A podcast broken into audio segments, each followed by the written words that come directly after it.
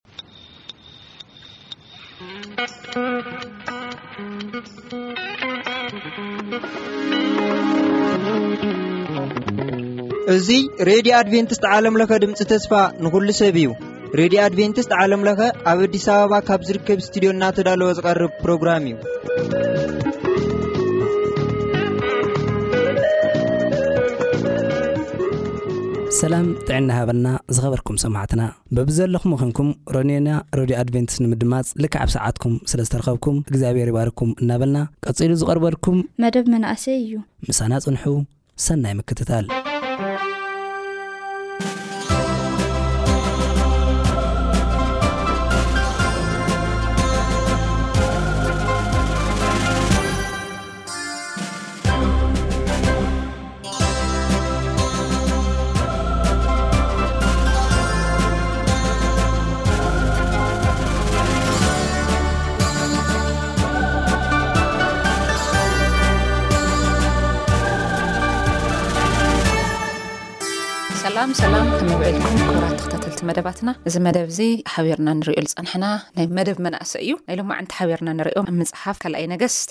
ምዕራፍ ኣርባዕተ ፍቕዲ ሸሞንተ ዝጅምር መጽሓፍ እዩ በኣርከስ ቅድሚ ምጅማርና ሓቢርና ንጽሊ ኢና ነመስግነካ ሰማያዊ ዝኾንካ ኣምላኽ ሰማይ በዚ ዕለት እዚ ንኣና ዝኸውን ንዕለት እንጌራ ተቖሪሱ ዘይውዳእ መኣዲ ስለ ዝሃብካና ነመስግነካ በኣርከስ ሰማያዊ ዝኾንካ ኣምላኽ ሰማይ ንሰማዕትና ኣብዘዘድልዮም ቦታ ስኻ ተገሊጽካ ክትርከብ ንምሕጸነካ ኣይትፈለየና ስለ ሽም የሱስ ኣሜን። ባረከስ ኣብ ዝሓለፈ ሰሙን ናይ መደብ መንእሰያት ሓቢርና ዝረኣናዮ ናይ ብዛዕባ ናይ ሃና ታሪክ ነይሩ ሕጂ እውን ካሊእ ንሪኦ ብዛዕባ ሓንቲ ሱነማዊት ሰበይቲ ታሪክ እዩ እታ ሰበይቲ እዚኣ ኣብ ሱነም ትርከብ በዓል ሃፍቲ ምስ ሰብኣያ ትነብር ውሉድ ዘይብላ ሰብ ነይራ ኣብቲ ታሪክ ዝተዋሳኣ ዝኾነ ሓደ ናይ እግዚኣብሔር ባርያ ከዓኒ ኤልሳእ ዝበሃል ባርያ እኒኦ ዘንዚ ባርያ እዚ ኣብ ዝተፈላለዩ ቦታ እንዳኸደ ንሰባት ነዛ ምድሪ ነቲ ዘሎ ቦታታት መፍትሒ መልእኽቲ ንዘድልዮ ንጉስ ከዓኒ መልእኽቲ እንዳሃበ ይሰርሕ ነይሩ ድሕሪ መን ዝመፀ ናይ እግዚኣብሔር ባርያ ድሕሪ ኤልያስ ማለት እዩ ኤልያስ ንስ ዝቀውኦ ኪድካ ቅብኤለይ ዝበሎ ሓደ ካብቶም ዝተቐብኡ ናይ እግዚኣብሔር ባሮት ወይ ደሞ ነቢይ ንብሎ ማለት እዩ። ሶ እዛ ሰብ እዚኣ ኣብ ካልኣይ ነገስት ምዕራፍ ኣርባዕተ ፍቕዲ ሸሞንተ እንታይ ይብል ከምዚ ድማ ኾነ ሓደ መዓልቲ ኤልሳዕ ናብ ሱነም ከደ ኣብኡ ኸዓ ሃብታም ሰበይቲ ነበረት እሞ እንጀራ ክበልዕ ግድ በለቶ ኩልሻዕ ብኣኣ ክሓልፍ እንከሎ ድማ እንጀራ ክበልዕ ናብኣ የግልስ ነበረ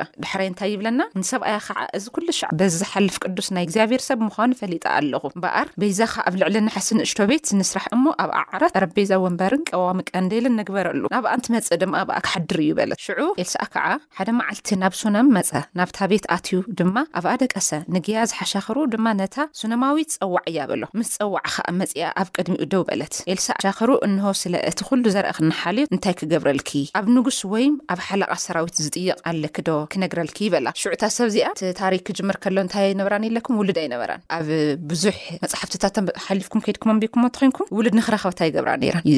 ይጽልያ ነይረን። ብዙሕ ነገራት ኣብ ዓለምና ከም ንርእዮ ከኣ ናብ እተፈላለዩ ቦታታት ይኸዳ። እታ ሰብ እዚኣ ግን ተለማሚዳቶ ዝነበረት ይመስለኒ እቲ ዘይምህላዋ ግን በዓል ጸጋ ሃብታም ሰብ ከም ዝነበረት። ሽዑ እንታይ ኢልዋ፣ ኣብ ንጉስ ወይ ደማ ኣብ ሓለቓ ሰራዊት ዝጥየቕ ነገር ዶ ኣለኪ፣ ከቕርበልኪ፣ እቲ ሓነቓ ሰራዊት'ዚ ኸኣኒ፣ ኤልያስ፣ ኤልሳእ፣ ናይ መን ባርያ እዩ፣ ናይ እግዚኣብሄር ባርያ እዩ፣ ሰለዚ ናብኡ እዩ ከብጽሖ፣ በቲ ሽዑ ዝነበረ ናይዞም ነገስታት ናብኦም ዝቐረበ ሓሳብ ኣይኮነይ፣ ሰብ ውልድ ክህበካ ኣይክእልን፣ እግዚኣብሄር እዩ ውልድ ድህብ፣ ስለዚ ንሳ ኸኣ እንታይ ኢላቶ፣ ንሳ ኸኣ ኣብ ማእከል ህዝበይ እየ ተቐሚጠ ዘለኹ በለት፣ ኤልሳዕ ድማ፣ ንግያዝ እንታይ ደኣ እሞ ክገብረላ፣ ኢሉ ጠየቖ፣ ማለት ምንም ኣይ፣ እቲ ናይ መጀመርያ ጥያቄኣስ ምንም፣ በቃ ኣብ መንጎ ህዝበይ ጥቕመጥ ስለ ደለኹ፣ ምንም ኣይኮነን፣ ካሊእ ጸገም የብለይን፣ ኢላቶ። ድሓር ግያዝ ከኣ ውሉድ የብላን ስብኣያ ድማ ኣረጊት እዩ ኢሉ መለሰሉ። ንሳ ሕጂ ውልድ ሃበኒ ወይ ገለ ሃበኒ ወይ ገለ ሃበኒ ኢላ ኣብዚ ታሪክዚ ዝገለጸቶ ነገር የብላይ ግን እንታይ ኢላ ኣነ ኣብ ማእከል ህዝበይ እየ ተቐሚጠ ዘለኹ በለት። ኤልስዓ ድማ ንግያዝ እንታይ ደኣ እሞ ክገብረላ ኢሉ ክጥይቖ ከሎ ግያዝ ከኣ እንታይ ኢልዋ ውሉድ የብላን ትወልደሉ ትኽእል ዕድላት ከኣ ዝነኣሰ እዩ ስለምንታይ ስብኣያ ዕድምኡ ዝደፈኣ ሰብ እዩ ሽዑ እንታይ ይብል ኤልስዓ ከኣ ጸውዓያ በሎ ምስ ጸውዓ ድማ ኣብ ኣፍ ደገ እቲ ቤት ደው በለት ኣብቲ ናይ ኤልስኣ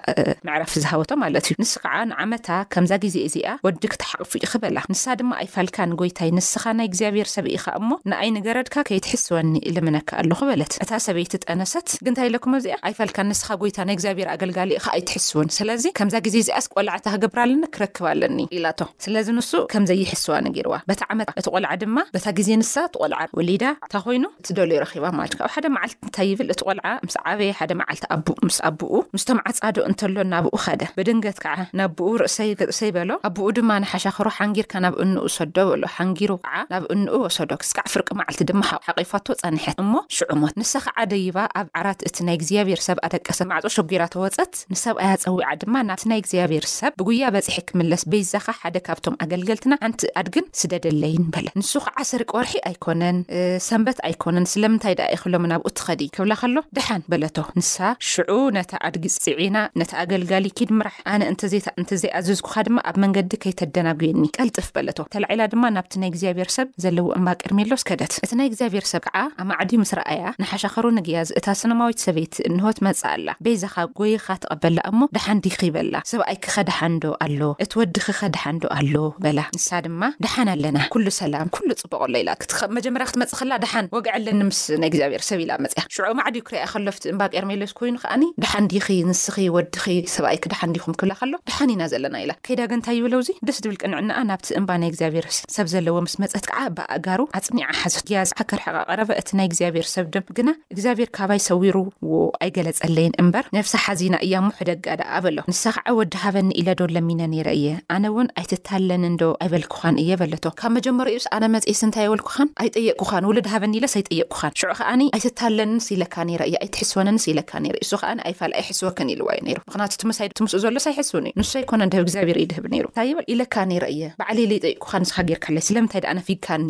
ትብሎ ሽዑ ገያዝ ሕቖኻ ትዓጥቕ እሞ በትሪ ኣብ ኢድካ ሒዝካ ኪድ ዝዀነ ሰብ እንተ ረኸበካ ኸኣ ከማዕልካ ኣይትበሎ ከማዕልካ እንተ በለካ ኣይትመልሰሉ ነዛ በትረይ ድማ ኣብ ገጽ እቲ ቈልዓ ኣንብራ በሎ እኖ እቲ ቈልዓ ኸኣ ንኤልሳእ ምሳይ እንተ ዘይከድካስ ሓዲገካ ከም ዘይከይድ ብህያው እግዚኣብሄር ስም ብህይወት እምሕል ኣሎኹ በለት ኤልሳእ ድማ ተሲኡ ደድሕሪኣ ሰዓበ ገያዝ ከኣ ቀቅድሚኦም ሓሊፉ ነታ በትሪ ኣብ ገጽ እቲ ቆልዓ ኣንበራ። እቲ ቆልዓ ግና ድምጺ ወይ ምስማዕ ኣይነበ። ሽዑ ጌያዝ ንኤልሳእ ክራኸቦ ተመለሰ፣ እቲ ቆልዓ ኣይተንስእን፣ ኢሉ ኸኣ ነገሮ። ኤልሳእ ናብታ ቤት ምስ ኣተወ ድማ፣ እንሆ፣ እቲ ቆልዓ ሞይቱ ኣብ ዓራቱ ተጋዲሙ ጸንሖ። ናብታ ቤት በይኑ ኣትዩ ድማ ነቲ ማዕጾ ሸጎሮ፣ ናብ እግዚኣብሔር ድማ ጸለየ። ደይቡ ኸኣ ኣብ ልዕሊ እቲ ቆልዓ ለጥ ኢሉ ኣፉ ኣብ ኣፉ፣ ዓይኑ ድማ ኣብ ዓይኑ፣ ኢዱ ኣብ ኢዱ ገበራ። ኣብ ልዕሊኡ ምስ ተዘርግሐ ሰብነቱ እቲ ቆልዓ ሞቐ። ኤልሳእ ድማ ኣብታ ቤት፣ ሓደ ሻዕ ናብዚ፣ ሓደሻዕ ናብቲ እንዳበለ ተዛወረ። መሊሱ ኣብ ልዕሊኡ ሸውዓተ ሻዕ ለጥ በለ። እቲ ቆልዓ ድማ ኣዒንቱ ቋሕ ኣበለ። ሽዑ ኤልሳ ንግያ ጸዊዑ ነታ ስነማዊት ጸወዓያ። ንሳ ኸዓ ንሱ ኸዓ ጸወዓ። ናብኡ ምስ ኣተወት ድማ እንሆ ወድኺ ኣልዒለልኪ ውሰድዪ በላ። ኣትያ ኣብ እግሩ ወዲቓ ናብ ምድሪ ፍግም ኢላ ሰገደትሉ። ወዲ ኣልዒላ ኣይመጸትን። ክጅምር እንከሎ ኸዓ ንማለት እዩ። እታ ሰብ ንሳ ደስ ልብለካ ዘይምህላዋ ተለማሚዳቶ ዝነበረት እያ። ለምሳሌ ሓደ ሓደ ግዜ ውልደይ ምህላው ንነዊሕ ዓመታት ተማርር። ኣማሪራ ልብል ጽሑፍ የለይ። ምንም ክትገብር ኣይትኽእልን ደይኮነስ ወይ መዓልቲ ትጽበ ነይራ ትኸውን። እዛ ንእግዚኣብሔር ኣምላኽ ኮነ ኢሉ በታ ሰዓት እታ ሰበይቲ ውሉድ ክትረኽበሉ ዕድላት ኣመቻችዩላ። እሳ ዝሓሰበቶ ዝነበረት መዓልቲ ካልእ ክኸውን ይኽእል። እዛ ንእግዚኣብሔር ኣዛጋጅዩ ዘሎ ግን ኣብቲ ሰዓት ንሱ ነይሩ። ሽዑ መሊሱ ግን ወሲድዎ። ሓቀይ እሞ መሊሱ ወሲድዎ ዝቆልዓ። ስለምንታይ ወሲድዎ እንታይ ኣዩ ክርኢ ማለት ሓደ ሓደ ግዚ እግዚኣብሔርሲ ጨካን ኮይኑ ደይኮነ ንሰብ ናብ ፈተና ደእትዎሲ መንነት ናይ እግዚኣብሔር ኣብዚ ቆልዓ ንክረኣ ካዳ ደኣ ኢት ሶ ኣክቲቭ ምእንቲ ክኸውን ማለት ሕጂ ሓደ ሓደ ግዚ ብደንቢ እንተ ተረዲእካዮ ምንም ዓይነት ፈተና እንተድመጸካ ታይ ኢኻ ትገብር ፋይት ትገብር ኢኻ ዩ ነቲ ትጋፈጦ ደለካ ነገር ለ ዕሙቕ ልኾነ ኣፍልጦ እንተ ሃሊካ ክትወድቕ ኣይትኽእልን ዘይትፈልጦ ነገር እንተኮንካ ግን ብቐሊሉ ክትወድቕ ትኽእል ኢኻ ዘንዛ ሰብ እዚኣ ውሽጢ ክፈልጣ ዝደለየ ይመስለኒ ከመይ ለ ክትበሃል ከላ ታይ ኢላያ መሊሳ ኩሉ ድሓን ኢላቶ ድሓን ግን ኣይነበረትን ካብ ድሓን ሓሊፉ ስስ ውሉዳ እያ ስኢና ምሕማም ኮኒዮ ግን ሞይቱ እዩ ዓሪፉ እዩ ትሰብ ንስ ትቆልዓ ማለት እዩ ግን እግዚኣብሔር ዝተሓጎሰ ይመስለኒ በዘራርብኣ ኣብ ከባቢኣ ዘሎ መልስታት ንሰብኣያ እንታይ ኢላቶ ድሓን ስራሕ ኣለኒ ክኸይድ እየ ምስኡ ስለዚ እዛ ሰብ እዚኣ ካብ መጀመሪኡ ጌጋ የብላን ንእግዚኣብሔር እዚ ተዘይገበርካ ኢላ እውን ተኸራኸረት ልኾነ ዘጨነቐቶ ሰብ ኣይነበረትን እንተሃበ እውን እግዚኣብሔር እዩ እንተወሰደ እውን እግዚኣብሔር እዩ ግን እዛ ናይ መጨረሻ ኣይኸኣለታን ስለምንታይ ትሕስወኒ ኢላቶ ንናይ እግዚኣብሔር ባርያ ንሱ እንታይ ኢልዋ እግዚኣብሔር ሰዊርለይ እዩ ስለዚ ክፅሊ ኣለኒ ኢሉ ኣትዩ ፀልዩ ሽዑ እግዚኣብሔር ታጊ ህይወት ናይቲ ሰብ መሊሱ ግን እቲ ደስ ልብሎ እዚ ታሪክ እዚ ከመይ ኢልና ኢና ንሕና ከምቲ ከምዚ ዓይነት ኣብ ሽግር ወይ ኣብ መከራ ኣብ ፀገም ኣቲናሲ ኩሉ ሰናይ ኩሉ ድሓን ኢልና ክንሰግር ንኽእል እንታይ ዓይነት ካበይ ኣረኺባቶ ጸጋ እዚ እቲ ዕሙቅ ድኾነ ሓይልስ ካበይ እያ ኣምጺኣቶ ግን ብዘገርም መንገዲ ዝተውሃባ ጸጋ እና ታይ እየ ክብለኩም ደልየ በዚ ሰዓት እዚ ሬድዮ ከፊትኪ ትከታተሊ ሓፍቲ ትከታተሊ ኣዶ ኣቦ ህዝበይ ኩላኻትኩም ከመይ ኣለኻ ክትብሃል እንከለኻ ሎማዓንቲ ጽቡቅ ኣይኮነን ድሎ ኩነታቱ ዝሓለፉ ዓመታት ብጣዕሚ ዘጽልእ ነይሩ ከምዚ ከምዚ ከምዚ ነርና እዚ ጎዲልና ከምዚ ከምዚ ኮይና ከምዚ ኢልና ብዙሕ ነቅርቦም ነገራት ኣለውና ንሳ ንሰብኣያ ከማንስ ናይ እግዚኣብሔር ሰብ ኢላቶ ድሓር ግን እግዚኣብሔር ርእዩ ዓቅማ እዩ ፈቲሑላ ሓቀይ ኣሕናኸ እስካብ ክንደይ ንኸይድ እግዚኣብሔር ሱቅ ኣብ ዝበሎ ሰዓታት ኣሕና ታይ ዓይነት ሓሳብ መግለፂ ከምዚ ኮይነ እግዚኣብሔር እኮ ከምዚ እዩ ኢልና ዲና ነግሮምርም ንሳ ግን ተረጋጊዓ ከይዳ እያ ኣብፂሓቶ መልእክቲ ካብ መጀመርኡ እኮ ኣነ ከምዘይ በልኩኻ ንኽውሰድ ንምንታይ ትህበኒ ዓይነት ነይሩ ግን ኤልሳእ እውን ሓዚኑ ሽዑ ብጣዕሚ ሓዚኑ ልባ ተሰይሩ እያ እዚኣ እዛ ሰብ እዚኣ ምክንያቱ ታይ ኢለኩም እየ ውሉድ ሰብኣያ ዕድምኡ ዝደፈእ እዩ ንሳ ብእግዚኣብሔር ሓይሊ እያ ረኺባ ደላ ትውላድ ሰለዚ እታ ሰብ ንሳ ፍልይ ካብ ለብሎ ነገራታ ደሓን ኣብ ለይኮነ ሰዓት ደሓን እየ ኢላ ምንጋራ ኣብ ቃንዛኻ ሰዓት ጽቡቕ ኣለኹ ምባል ከፍ ኢካ እንዳሃለይ ደሓን ንግዚኡ እዩ ከምዚ ሕጂ ድሕሪ ከምዚ ከምስታት ሓደ መዓልቲ ወጊሑ እንዳበልካ ከምዚ ምሽ ኣለካ ተስፋ እንዳገበርና ንነብር ኮምኡ ኢላ እስካብ ትውላዳ ክስካብ ዝምለሰላ ልጻዓረት ይመስለኒ እና ክብራት ተኸታተልቲ ሰማዕትና እዚ ዝተጻሓፈ ታሪክ እዩ ሂወት ናይ ሓደ ሰብ እዩ ተጻሒፉ ናትኩም ታሪክ ከኣ ንእግዚኣብሔር ጥራሕ እዩ ዝፈልጦ ከመይ ክስተካከል ከም ደለወ ከመይ ገይረ እስተካኪላ ናይዘስ ናይዛ ሰብ እዚኣ ከመይ ከም ዝተሓጎሰት እኮ ክነግረኩም ኣይክእልን ፍግም ኢላ እያ ሰጊዳ ሰጊዳቱ ንእግዚኣብሔር ተሓጒሳ መሊሱላ ብ ብ በተለይ እግዚኣብሔር ክህ ክህበና ከሎ ባሪኹ ልስመዐና ስምዒት ፍሉይ እዩ ባይዘወይ ኣሕዋት እና እንታይ ክብለኩም ደልየ መዓት ኣብ ውጥረት ክእትዩና ድኩሉ ጸገማት ኣለዉ መዓት ጥያቄታት ኣለውና ኣይንዕቆሮም ናብ እግዚኣብሔር ነብጽሓዮም ክድህስሶምን ከንብቦምን ዝኽእል መን እዩ? እግዚኣብሄር እዩ። መፍትሒ ሰመን እዩ። ኣብ ሓለቓ ንጉስ፣ ኣብ ንጉስ ወይ ድማ ኣብ ሓለቓ ሰራዊት ዘቕርበልኪ ዘረባ ዶ ኣለኒ? ኢልዋ። ኣብ ቅድሚ እግዚኣብሄር ክቐርበልኩም ትደልይዎ ነገራት እንተ ሃልዩ ኣቕርብዎ። እግዚኣብሄር ኣብ የትም ቦታ ኹን ኣብ መዓሙቕ፣ ኣብ በዓቲ፣ ኣብ ጭሕወት ናትኩም ህይወት ከንብብ ዝኽእል እግዚኣብሄር ጥራሕ እዩ። ናይታ ሱነማዊት ሰበይቲ እግዚኣብሄር ናይ እግዚኣብሄር ባርያ ልኢኹ መልእኽቲ ነጊርዋ። ትንቢት እኮ እዩ ነጊርዋ። በዚ ሰዓት እዚ ግን ንሳ ስለምንታይ ይመስለኩም ኣይፋልካን እየ ትሕስወኒ እንዶ በለቶ። እንታይ ኢለኩም እየ ሓደ ዕድሚኡ ዝደፈ እዩ ካልኣይ ከዓ ንበዚ ሰዓት ዝለ ምሳሌ ታይታይ ብዙሕ ነገራት ይካየዱ ሓሶት ናይ ሓሶት ትንቢታት ይንገሩ ባይዘ ካብቲ ሽዑ ሰዓት ትትሕዙ ነይሩ እዩ ናይ ሓሶት ትንቢት ከምዚ ክትኸውን ኢኻ ከምዚ ክትኸውን ኢኻ ተስታውስዶ ነርኩም እስራኤላውያን ሰብዓ ዓመት ኣቢኣቢሎም ምስ ተገዝኡ ማዕዘ ኢና ክንምለስ ንገረና ኢልዎ ዳንኤል ግን እግዚኣብሔር እንታይ ንመሊስሉ ክትፀንሑ ኢኹም ሰብዓ ዓመት እቶም ሓሰውቲ ነብያት ክነ ናብ ቀረባ መዓልቲ ቅድሚኡ ማለት ቅድሚ ምንጋሮም እትዮም ናብ ቀረባ መዓልቲ ናብ ዓድና ንምለስ ኢና ኢሎም ምክንያቱ ትረክቢ ኢኽተይልዋ ሓቀይ ዶ ረኺቡ ትግምቶ ነገራት ኣሎ ከም ሰብ ምስ ረኸበት እውን እንታይ ኮይና ልባ ተሰይሩ ተወሲዱላ ከምዚ ዓይነት ኩነታት ዘለኹም ኣሕዋት ንኹሉ ነገርኩም መፍትሒ ድኾነ እግዚኣብሔር ጥራሕ እዩ ካሊእ ኣማራፅ ከይትጥቀሙ ለምሳሌ ላም እንታይ ከዱ ደኾን ክሰምዐና ኢሎም ናብ ብዙሕ መንገድታት ብዙሕ ኣማራጭ ይጥቀሙ ሓቀይ እሶም መፍትሒ ክኾኑ ይኽእሉ ዶ ይመስለኩም ኣይክእሉን ኣማራጭ ኣብ ቅድሚ እግዚኣብሔር ኣማራጭ ኣይቀርብን ሓደን ሓደን ብሕታዊ መፍትሒ ኣብ ሰማይ እግዚኣብሔር ጥራሕ እዩ መፍትሒ ቁልፊ ለምሳሌ ናዛ ሱነም ሰበይትሲ ሱነማዊት ሰበይትስ ፀገማ ዝፈትሐላስ እግዚኣብሔር ብግዜኡ ነይሩ ክድንጉ ከሎ ከኣ እግዚኣብሔር ዘመሓላልፎ መልእኽቲ ስለ ደለዎ ጥራሕ እዩ'ምበር ሎሚ ሃበካ ጽባሕ ሃበካ ኣፈላላይ ሃልዩ ይኾን'ዩ ግን እንተሃልዩ መልእኽቲ እዩ ከምኡ ዝገብር ካሊእ ከኣኒ ንድ ትጠራጠር ኔራ ልተጠራጠረትሉ ከኣ ኩነታት ተረዲኤኩ ከምዚ ክትኾን ኢኻ ከምዚ ክትኾን ኢኻ ከምዚ ክትረክብ ኢኻ ከምዚ ክትገብር ኢኻ ለየለ ትምህርትታት ይመሃር ዓለም ሽዑ ላብ ልይኸውን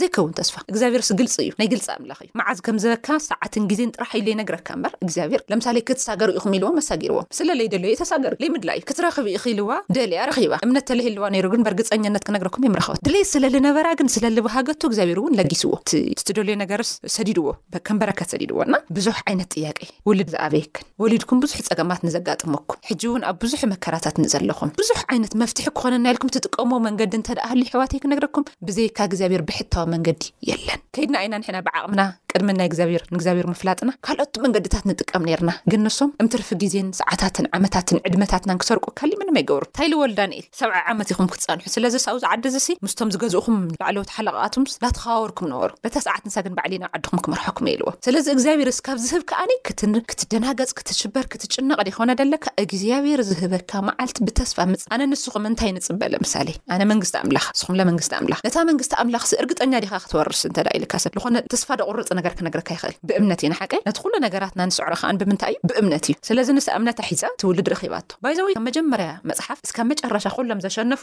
ብእምነቶም እዮም ስለዚ ናይዛ ቆልዓ እዚኣ ዓውዪ እምነታ ድሓን ዲኪ ክትብሃል ከላ ኣብ ውሽጣ ዘሎ ዕሙቅ ድኮነ ቅዱስ ድኮነ ኣተሓሳስብኣ እዩ ክተሸንፍ ጌርዋ ካብኡ ልለ ታይ ንኮን መሲልኩም እዚ ክንሰግሮ እንተ ደደሊኩም ቁኑዕ ልኮነ ኣተሓሳስባ ከህልየና ኣለዎ ጸገማትና ክንሰግር ተደሊኩም ቁኑዕ ኣተሓሳስባ ከህልየካ ኣለዎ ከመይላካ ትብሃል ከላካ ከቢድ እንዳሃለየ ኩሉ ሰላም ምባል ከቢድ እዩ ግን ይህበካ ጸጋ ኣብ ልተረበሸ ከተማስ ንኣካስ እንታይ ይከውን ኖርማል በቃ ምክንያቱስ ናይ ዓለም ኣጀንዳ እዩ ንሱ ንኣካ ኣይደንቀካይ ሰባት በቃ ከምዚ ስኢኖም ገለ ኢሎም ክድነቑ ገለ ከለውሲ ንኣኻ ምንም ማለት ኣይደለም ንሱ ሓደ መዓልቲ እግዚኣብሔር ከም ዝምልስ ትፈልጥ ኢኻ ግን መዓዘ እዩ ደን እግዚኣብሔር ጥራሕ ይፈልጦ ሓደ ሓደ ግዜ ከኣ እንታይ ኣሎ እንታይ ክብለኩም ይደሊ ሓቑርና ይንሓዞ እግዚኣብሔር ከምዚ ጳውሎ ጴጥሮስሲ ተኸተሉኒ ደድሕረይ ክብሎም ከሎ ጎይታይ ለይትን ቀትርን ሙሉእ እንዳሰራሕና ሓዲርና ዋላ ሓደ ይትረፍናን ስለዚ እንታይ ንግበር ኢሎሞ ንኣይ ሰዓውኒ ገፈፍታ ሰብ ክገብረኩም እየ ልክዕ ከምቲ ገፈፍታ ዓሳ ዝነበርኩም ኢልዎ ደሓር በሉ ትመርበብ ደርብዎ ኢልዎ እቲ መርበብ ምስ ደርበይዎስ እንዶም ክበጣጠስ ጀሚሩ ሓቀይ ክሞልቁ እቲ በዝሒ ታይ ድበሃልስ ከቢድዎም እቲ ዓሳ መውፅኢ ናብ እግዛብሄር ዝተደርበየ መርበብ እቲ ዝፀምዶ ከለካ እቲ መፃወድያ ኣይሰሓብን ተደኒቆም ኦ ጎይታይ ኢልዎ ለይቲ ሙሉእ ሰሪሒናሲ ዋላ ሓደ ይትረፍ ናይ ሕጂ ግን ተጎይንና ተገሪሙ ጴጥሮስ ላብ እግዛብሄር ዝተደርበየ መርበብ ታይ ኣይከውንን ጥሩሑ ኣይምለስ ጸሚዱ እዩ ዝምለስ ዝደለካዮ ሒዙ እዩ ዝምለስ ዓሳ ይደልዩ ነሮም ዓሳ ገፊፎም ኣብርሃም ውልድ ይደሊ ነሩ ውልድ ረኪቡ ሰራ ውልድ ትደሊ ነራ ውልድ ረኪባ ያቆብ ክዱ ናብዚ እንተመጽኹም ሩት ቦኤዝ ኩሎም እዚኦም እንታይ ረኪቦም ውልድ ረኪቦም ሃና እንታይ ትደሊ ነራ ውልድ ትደሊ ነራ እስካ መጨረሻ ከዶ ሜርየም እንታይ ትደሊ ነራ ውልድ ትደሊ ነራ ኤልሳቤጥ እዚኤን ለ ኩሎም እንታይ እዮም ግን ገሮም እንታይ እዮም ገሮም እንታይ ተጠቂሞም ሕጂ ኣብ ዓለምና ደሎ ብዙሕ ሰብ ከታተሉ ኢኹም ናይ ለውጥኹም ሚስጥር እንታይ እዩ ናይ ዓወትካ ሚስጥር እንታይ እዩ ናይ ዓወተይ ሚስጥር እንታይ ይብል ዘማሪ ክርስቶስ ጥራሕ ብሕታዊ ሓደ ካልእ መራጺ ዓለም ዓለም ብዙሕ ሓሳብ ክተብራህርህ ትኽእል እያ ፋይናሊ ከመሓላልፈልኩም ዝደሊ ግን ካሊእ መንገዲ ምጥቃም ጀሚርና እንተ ኮይና ከም ሳኦል መጥፍኢና እዩ ክኸውን ካብ እግዚኣብሔር ወፂሲ ከዘራረቦ ደለየ መንገዲ ፍጠርለ ኢልዋ ኣይከውንን ኩሎም ካብ እግዚኣብሔር ወፃእ ዝኸዱ መወዳእትኦም ሪኢኹምዎ ኢኹም ተደኣ ናብ እግዚኣብሔር ደርቢኻዮ ዝመርበብ ግን እንታይ ይኸውን ማለት እዩ ፅቡቅ ይኸውን ካብኡ ልለ ክንጨናነቕ ይብልና እዩ እግዚኣብሔር ኣምላኽ እንተ ደኣ ንጭንቕለና ኣይትኽእልን ማለት እዩ ምሕሳብ ካልእ እዩ ምጭናቕ ካልእ እዩ እዛ ሰብ እዚኣ ሱቕ ኢላ ዝነበረት እግዚኣብሔር ስለ ለይክእል ኢኩም እቲ ሱቅ ኢላ ታይ ደኣ ክትገብር ሓደ ሓደ ግዜ ኢላ ነቲ ዘለካ መከራ ተቀቢልካዮ ትነብር መከራ ተቀቢልካ ምንባር ማለት ግን እግዚኣብሔር ኣየንበበካይ ኣይፈለጠካይ ረሲዕካ ማለት ኣይኮነን ብኣካ ከመሓላልፎ ዝደልዮ መልእክቲ ኣሎ ማለት እዩ እስካብቲ ሽዑ ሰዓት ደሓን ነይራ እስካብ መጨረሻ ከኣ ደሓን ድብል መልሲ ትምልስ ነይራ በርከስ ኣሕዋተይ ኣብ ዘጨንቅ ዓለም ዳ ነበርና ኣብ ውጥረት ኣብ ጭንቂ ኣቲና ከኣ መፍትሒ እንህበሉ መንገዲ ስኢንና እንተ ኮይና ናብ የሱስ ንክድ እቲ መፍትሒ ሓደን ሓደን ናይ ሂወት መንገዲ መን እየ ይብል ኣነ እየ ይብል ሓቀይ ስለዚ እቲ መፍትሒ በዚ መንገዲ እዚ ንምፍታሕ ንሞክር። እቲ ቁልፊ ኣብ ክርስቶስ እዩ። ናይ ብሉይ ኪዳን ዝነበሩ ዘመናት ብምልኦም ናይ ህይወቶም ቁልፊ፣ መፍትሒ፣ ዝነበረ ብዙሕ ጽዒሮም እዮም። ለምሳሌሲ ኣብርሃም እንታይ ኣለኩም ቀደም ዝነበሮ ካብ ዝመጾ ከተማ እኮ ሃፍታም ሰብ እዩ ግን ሃፍቲ እቲ ሃፍቲ ዝውልድ ክረክበሉ ኣይክእልን ዝሃቦ እግዚኣብሔር እዩ ነይሩ ዝውልድ ኩሎም ኣብ ምድሪ ንረክቦም በረከታት ኩሎም ካብ እግዚኣብሔር ዝመንጨው እዮም በተለይ ውላድ በተለይ ውላድ ክነግረኩም ክየትም ኣይመጽ እና ንጸገማትና መፍትሒ ክኾነና ድኽእል እግዚኣብሔር ፈሊጥና ጸገማት እውን እንተጋጢሙና ግን እግዚኣብሔር ከም ዝኽእል እንዳኣመንና ክነጨንቆ እውን የብልናን ምኽንያቱሲ እምነትካ ሽዑ እዩ ዝፍለጥ ከመይ ኣለኹም ክትብሃል ከለኻ እግዚኣብሔር ይመስገን ሰናይ ኩሉ ጽቡቅ ዋእ ከመይ ኣሎ ድኣ ከመይ ኢልካ ኩሉ ሰናይ ትብል ኣለኻ ከቢድ ኣይኮነን ድዩ ደሎ ክትብሃል ትኽእል ኢኻ ሓቀይ ያው ናይ እግዚኣብሔር ኣሰራርሓ ትፈልጥ እንተኾይንካ ብደንቢ እንተድኣ ተረዲእኻዮ እግዚኣብሔር ብግዚኡ እዩ ከስምረካ ዝደለየ ነገር እንተ ስለ ዘሎ ኢኻ ሱቅ ትብል ምጉርምራም ትኽእል እኮ ኢኻ ከም ዓለም ኣብ ቅድሚ መንግስታት ተጉረምርም ኣብ ቅድሚ ገለ ተጉረምርም ብዙሕ ነገር ኢና ብዙሕ ነገር ትገብር ግን ኣይከኣልን ጸዓሩ ኹዱ መንግስታት ነዛ ምድሪ እዚኣ ሰላም ክህቡ መኲሮም ሓቀይ ቁልፊ ውን ኦኦም እዩ ተሃዋሚ ናይ ሰላም ሓንቲ ንሓንትን ንኹሉ መፍትሒ ዝኾነ ክርስቶስ እዩ ዘሎ ምሳና ንጸገማትና ንንብዓትና ንሓዘና ንኹሉ ዝቕይር ታሪክ ዝቕይር እግዜ ናይ ሃና ንብዓት ዘይንዓቕ ኣምላኽ ከመይ ኢሉ ናትክና ንብዓት ዘይ ይንዕቕ ሓፍተይ ከመይ ኢሉ ናይ ካልእ ንብዓት ይንዕቕ ከመይ ኢሉ ናይ ስነማዊት ታሪክ ዝቕይር ኣምላኽ ናትካ ደይቅይ ከመይ ኢሉ ንኣኻ ከ ዘይቅይረልካ ታይ እየ ክብለለይ ክንፈልጦ ዝግበአና መጀመርያ ላይ ንጸገማትና መፍትሒ ምዃኑ ክንፈልጥ ናይ የሱስ ባህሪ ክንፈልጦ ኣለና። እግዚኣብሔር ይወስድ ይህብ ይልግስ ኩሉ ነገር ይገብር እግዚኣብሔር ውን ተመሊሱ ይወስዶ እዩ ከም ናይ እዮብ ህይወት ግን መሊሱ ይህቦ መዓዘይ ምስ ተረዳእካዮ እስካብ ትርድኦ እዩ ዝፅበ ኣይኮነን ዶ እግዚኣብሔር ሰብ ከማን ክርደአና ኣይንደልን ዲና ሱቅ ባህሪ እዩ ናይ ሓደ ተፈጥሮ ባህሪ እግዚኣብሔር ከዓ ባህሪኡ እንታይ እዩ ክንርድኦ ይደሊ ከይተረዳእካዮ ሰብሲ ልኾነ ነገር ከምዚያ ገይረ ኩሉካ ክል ኖ እግዚኣብሔር ከምዚ እዩ ልኾነ ሰብ ካስ ኣጥፍኡ ተኢሎምካ እንታይ ኢካ ትብል ኣይ ብጌጋ ተረዲእኹሞ ከይትኾኑ ከምዚ እዩ ንዛ ከተማ እዚ ኣጥፍእዋ ደለኩ ሓጢኣተኛታት ስለልኾኑ እዮም ንነነዌ ዘጥፋእ ኖ ኣደለም እግዚኣብሔር ክምህሮም ስለልደለይ እምበር ክቐዝፎም ስለልደለይ ኣይኮነይ ስለዚ እግዚኣብሔር ናይ ባዕሉ መንገዲ ተጠቂሙ እዩ ንህዝቡ ናብ ባዕሉ ዘምልስ። ካብ ጫፍ ክዱ ስካብ ጫፍ ንታሪክ ኩሉ ዝተቀየረ ብዚ መንገዲ እዚ እዩ። ንምቅያር ተሞኪርኩም እውን ትደክሙ ኢኩም። ስለዚ ሓንቲ ነገር ክሕግዘኩም ሓንቲ ነገር ክተሓባበሩ መርበብኩም ናብ እግዚኣብሔር ደርብዩ ላሕ ኣይትበሉ። ለይትን ቀትርን ጽዒርና ኸደንብዎ ትድንጉጹ ጴጥሮስ ኢየሱስ ኣሕና እኮ ለፊዕና እኮ ኢና ግን ዋላ ሓደ ክንሕዘ ኣይከኣልናን ምስ የሱስ ግን ብዙሕ ነገር ኢኻ ትሕዝ ብዙሕ ነገር ኢኻ ተትርፍ በርግጥ ከምዚ ሓንቲ ዘማሪት እንታይ ትብልሲ ምርኣይን ምስማዕን ዝተሰኣና እያ ኩሉ ወሲድካስ የሱስ ሃበኒ ኢላቶ እንታይ እሞ ክወስደላ ካብዚ ብላዕሊ ሓገር ኩሉ ወሲድካስ የሱስ ሃበኒ ብሓደጋ እዩ ዚ ኣብ ሕክምና እንዳተሓከመት እቲ ሓደጋ ተፈጢሩ ትእዝና እንታይ ዓይና ግን እንታይ ላድያ ዘሚራ መሲልኩም ኩሉ ወሲድካስ የሱስ ሃበኒ ኢላቶ ዘመነይ ሙሉእ ምእንቲ ከገልግለካ ዓይናን እዝናን ተወሲዱስ እንታይ እሞ እግዚኣብሔር ካብዚ ብላዕሊ ክወስድ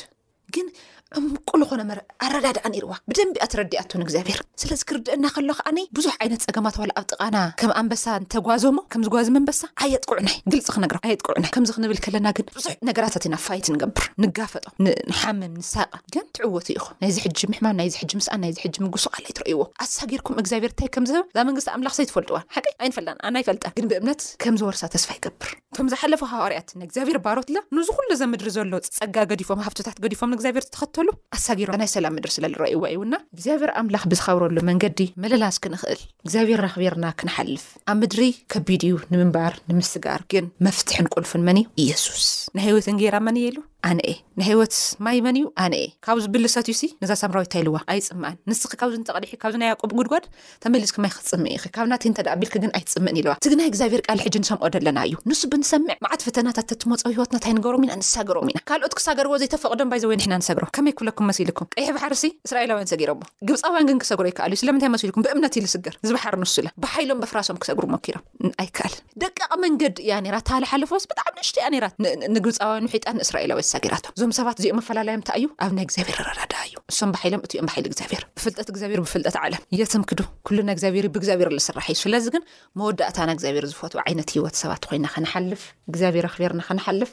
ንኣኻ ኣኽቢረ ክሓልፍ፣ ኣብ ገዛኻ ገንዘብ ሰብሳቢ ክኸውን ዝብል ዘማረንዮ። ብዙሓት ሰባት ናብ ቤትና መጽዮም ንመንግስቲ ኣምላኽ ተጸበይቲ ኮይና ክንርከብ እግዚኣብሔር ኣምላኽ ጸግኡ የብዝሓልና። በኣርከስ በዛ ዕለት እዚኣ ብዙሕ ዓይነት ጥያቄታት ክህልወኩም ይኽእል፣ ብዙሕ ዓይነት ሓሳባት ሼር ክትገብርዎ ትደልይዎ ነገር ክልይኩም ይኽእል፣ ሓንቲ መልእኽቲ ነመሓላልፈልኩም፣ እቲ ቀዳማይ ናይ እግዚኣብሔር መንፈስ እዩ። ፈውሰኒ ክብሎ ከሎ ንጳውሎስ ምንም ኣብ ኢድና የለን ኢሎሞ፣ ዘላትና ግን ሓንቲ ነገር ብሽም የሱስ ኢሎም ሽም ክጽውዑ ከለዉ እቶም ሰባት እንታይ ኮይኖም? ደስ ድብል መንፈስ እቲ ዝደልይዎ ረኪቦም ተፈወሱ ኢሎሞ ብዚ ጸጋ እዚ ከምዚ ኩን ከምዚ ኩን ይብልዎ ነይሮም እና ኣብ ቅድሚ ሓለቓ ሰራዊት ዝቐረበ ጥያቄ ዘይተረእየ ዘየለ ነገር ከይመስለኩም ብዘመናት ኩሎም ተንብ ተነቢዎም እዮም ስለዚ ሓፍተይ ናትኪ በዚ ሕጂ ክንበብ እዩ መዓዘ ይጽበ ድሕሪኡ እግዚኣብሔር እዩ ልፈልጦ ግን ሕጂ እንድያ ናይ ናይ ምድሓን መዓልቲ ንእግዚኣብሔር ኣረክብዮ ናይ ምልዋጥ መዓልቲ ሕጂ እዩ ሰለዚ እግዚኣብሔር ኣምላኽ ኣብ ህይወትኪ ምክባር ክትኽእሊ ኣብ ህይወትኩም ምክባር ክትኽእሉ ክነክብሮ ዝበለጸ ክንርድኦ ከኣኒ እግዚኣብሔር ኣምላኽ ጸጉ የብዝሐልኩም። ብዝበለጸ ከኣ ንመንፈስ ቅዱስ ኣብ ሕድሕድ ሕይወትኩም እንዳተገለጸ ከምህር ዓውዪ ጸሎትናን ልማኖናን እዩ። ሓሳባት ክህሊ ይኽእል እዩ፣ ጥያቄን ኣስተያየትን ብዝህልወኩም ከኣ ባዶ ትሽዓተ ሰማንያን ትሽዓተን ሰብዓን ሸውዓተን ኣርብዓን ሓሙሽተን ቴስዓ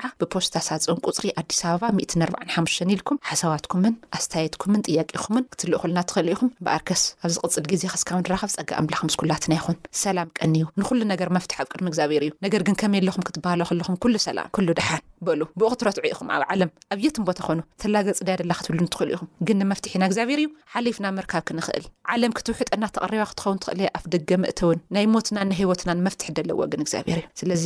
ንኡ ክነረክብ እግዚኣብሔር ኣምላኽ ጸጉ የብዝሐልና ኩሉ ደሓን ደሓን ቀንዩ ናይ መጨረሻ ሓቢርና ንጸሊ ነመስግነካ ሰማያዊ ኣምላኽ ሰማይ በዛ ዕለት እዚኣ ከምዚ ዝኣምሰለ ታሪክ ንኣይን ነሕዋተይን ስለ ልነገርካና ስለ ለምህርካና ተመስገን በኣርከ ሰናይ ኣብ ዘይኮነ ዓለም ሰናይ ከም ዝኾነ ገርና ክንነብር ምንም ኣብ ደይብላ ዓለም ብእግዚኣብሔር ከም ዝሕለፍ ገር ኣሚንና ክንነብር ቃልካ ስለ ልነገርካና ተመስገን በኣርከስ በዛ ዓለት እዚኣ ናይ ሰማዕተይ ጥያቄታት ኩሉ ኣብ ቅድሜኻ ዝተረእየ ክኸውን ይልመነካ ናይ ሓሳቦም መፍትሒ ናይ ጥያቄታቶም ቁልፊ ምሳኻ እዩ ንስኻ ከም በኣርከ ገርካ ዳህሰሶ ኣይትፍለየና ስለ ሽም የሱስ